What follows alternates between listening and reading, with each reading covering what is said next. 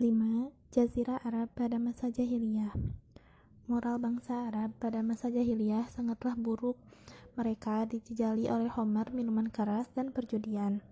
Mereka telah sampai pada tingkat kekejaman dan kebiadaban yang tinggi, seperti mengubur anak-anak perempuan hidup-hidup, penipuan yang sudah menjadi kebiasaan, dan perampokan terhadap kapilah-kapilah pedagang derajat wanita telah jatuh, wanita dapat diwariskan kepada keturunan sebagaimana halnya barang perhiasan dan barang tunggangan.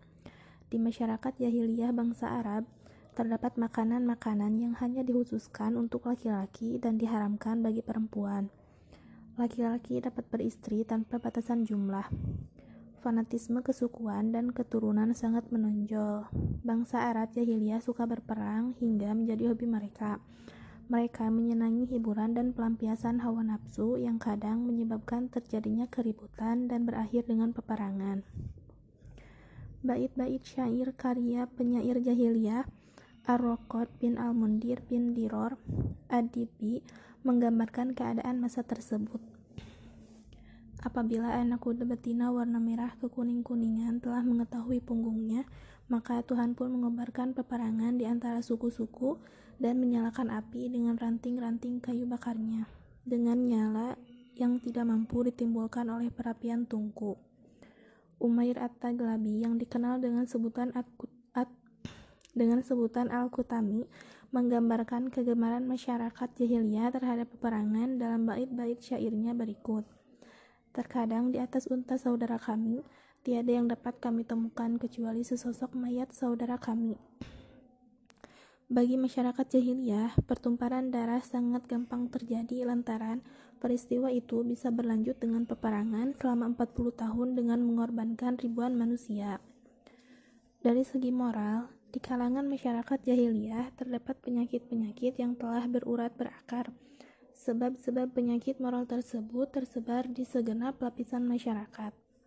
Meminum Muhammad telah menjadi kebiasaan yang tertanam kuat pada mereka para penyair kerap memperbincangkan dalam syair-syair mereka tentang kecanduan terhadap Homer ataupun tentang pertemuan-pertemuan untuk meminum Homer.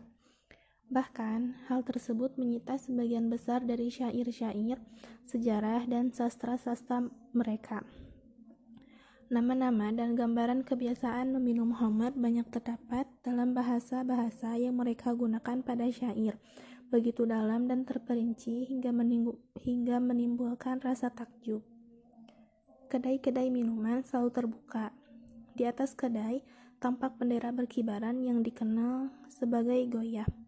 Labid bin Robi'ah al-Amiri mengatakan, Aku telah menghabiskan malamnya dan bendera goyah si pedagang Homer yang kudatangi telah dinaikkan, sedangkan minuman-minuman telah diedarkan kepada para tamu yang telah berdatangan. Begitu terbiasanya perdagangan Homer hingga kalimat perdagangan identik dengan penjualan Homer sebagaimana pernyataan Labid di atas yaitu Goyatu Tajir atau bendera si pedagang Homer. Amr bin Kumaiyah berkata, Aku akan menyeret jubahku ke dekat para penjual Homer dan aku menyebutkan celaan-celaan yang ditujukan kepadanya. Perjudian adalah bagian dari kemewahan hidup pada masa jahiliyah.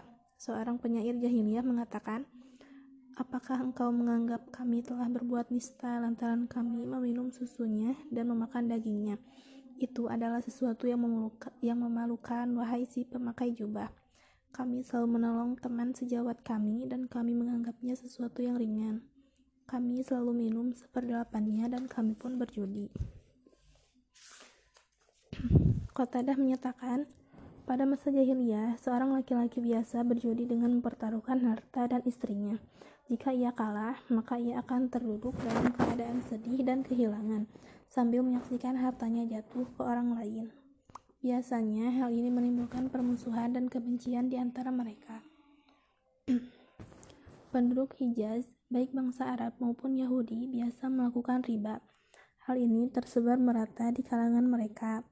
Mereka telah larut di dalam budaya riba ini hingga berlebih-lebihan dan keras. Atau Bari menyatakan, pada masa jahiliyah, praktik, praktik riba terletak pada penggandaan kelebihan jumlah umur satu tahun. Misalnya, seseorang berhutang. Ketika sudah jatuh tempo, datanglah si pemberi hutang untuk si pemberi hutang untuk menagihnya seraya berkata, Engkau akan membayar hutangmu ataukah akan memberikan tambahan atau bunganya saja kepadaku? Jika ia memiliki sesuatu yang dapat ia bayarkan, maka ia pun membayarnya. Jika tidak, maka ia pun menyempurnakannya hingga satu tahun ke depan. Jika hutangnya berupa ibnatum mahod atau anak unta yang berumur satu tahun, maka pembayarannya menjadi ibnatul labun atau anak unta yang berumur dua tahun pada tahun kedua. Kemudian ia akan menjadikannya hiko atau anak unta yang berumur tiga tahun, kemudian menjadikannya jada'ah atau unta dewasa, selanjutnya berkelipatan empat ke atas. Juga dalam hal hutang emas, si pemberi hutang akan mendatangi orang yang berhutang untuk menagihnya.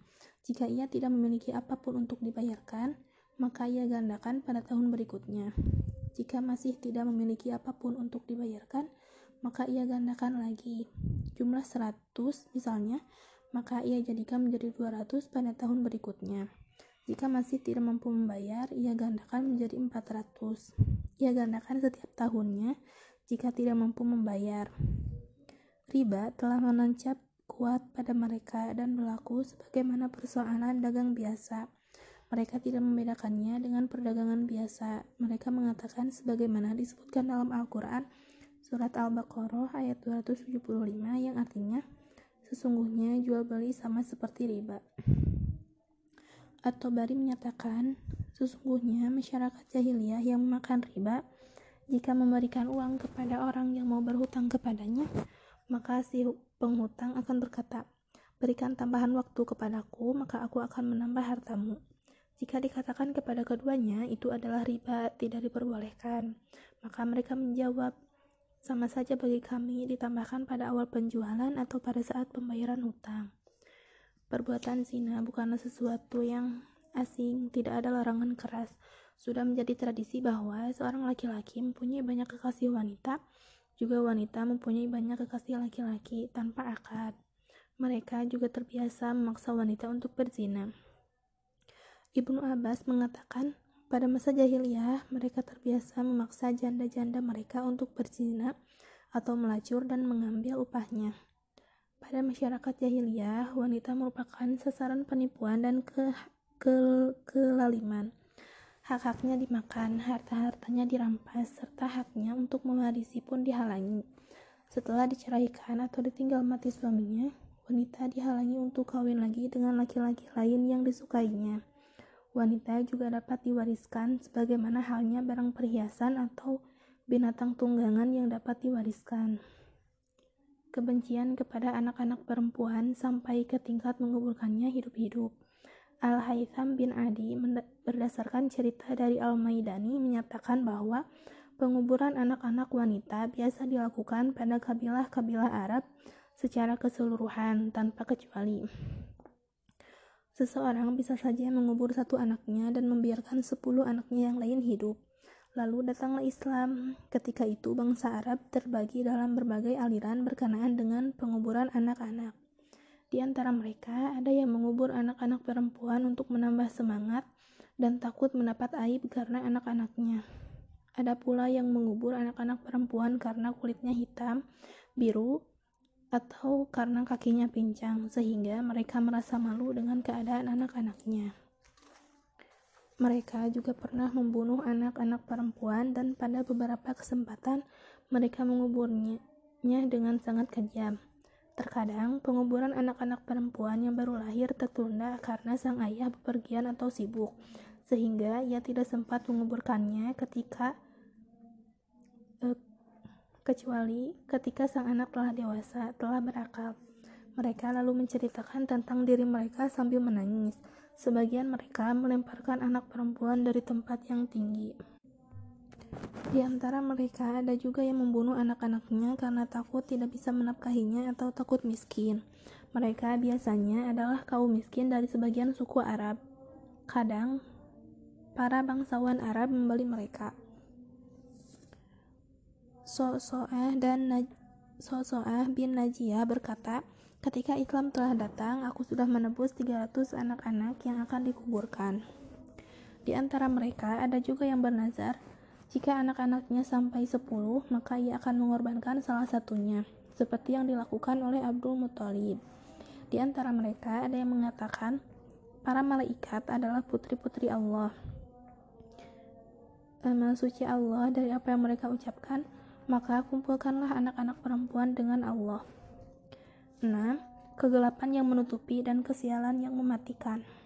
Singkatnya, abad 6 Masehi yang merupakan masa bangkitnya risalah Muhammad semenjak masa-masa kekosongan dari kenabian adalah masa yang paling rendah dalam sejarah, paling dahsyat kegelapan dan kesialannya dalam konteks masa depan kemanusiaan dan kebaikan serta kesinambungan perkembangannya. 7. Pandangan umum terhadap masa jahiliyah.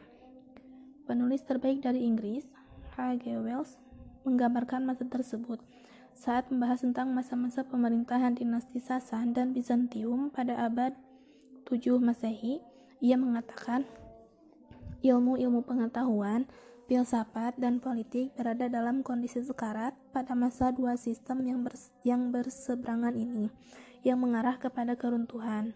Generasi terakhir dari para filosof Athena sangat teguh berpegang pada karya-karya sastra kuno dengan segala penghormatan dan cinta, sekalipun tanpa pemahaman terhadapnya.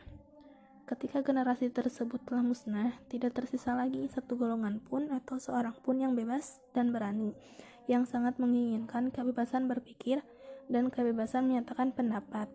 Juga tidak tersisa lagi orang-orang yang paling tidak menyimpan warisan pemikiran yang bebas, pembahasan yang murni dan bermanfaat, sebagaimana kebiasaan para pendahulu mereka.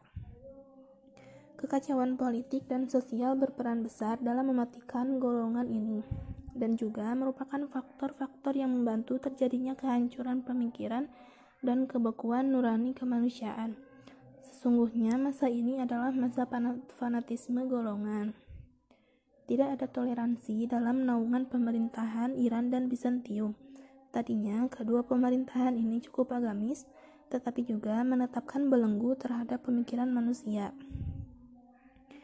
Setelah H.G. Wells menceritakan tentang serangan Imperium Iran terhadap Imperium Bizantium, kemudian tentang kemenangan Bizantium atas Iran secara agak panjang lebar, ia kembali menggambarkan kehancuran sosial dan moral yang terjadi pada abad eh, yang terjadi pada akhir abad 6 Masehi dengan menyatakan Seorang peneliti sekalipun belum berpengalaman dan belum matang dalam berpikir. Setelah mengamati tempat-tempat yang berperan pada awal abad 7 Masehi, dapat saja meramalkan dengan mudah dan penuh keyakinan bahwa Eropa dan Asia akan jatuh di bawah kekuasaan bangsa Mongol yang, yang liar dalam beberapa abad yang lalu. Di Eropa Barat tidak terdapat tanda-tanda keamanan, keteraturan, dan undang-undang. Kerajaan Bizantium dan kerajaan Iran sibuk berperang dan saling menghancurkan. Sementara itu, India berada dalam keadaan terpecah dan menderita. 8. Telah terjadi kerusakan di daratan dan di lautan. Pada umumnya, kemanusiaan di masa kebangkitan sang Nabi Shallallahu Alaihi Wasallam berada di jalan bunuh diri. Pada abad itu, manusia telah lupa kepada penciptanya. Ia pun lantas lupa pada dirinya sendiri dan nasibnya kelak. Manusia telah kehilangan kecerdasannya, kehilangan kemampuan untuk membedakan antara yang baik dengan yang jahat, serta antara yang bagus dengan yang jelek.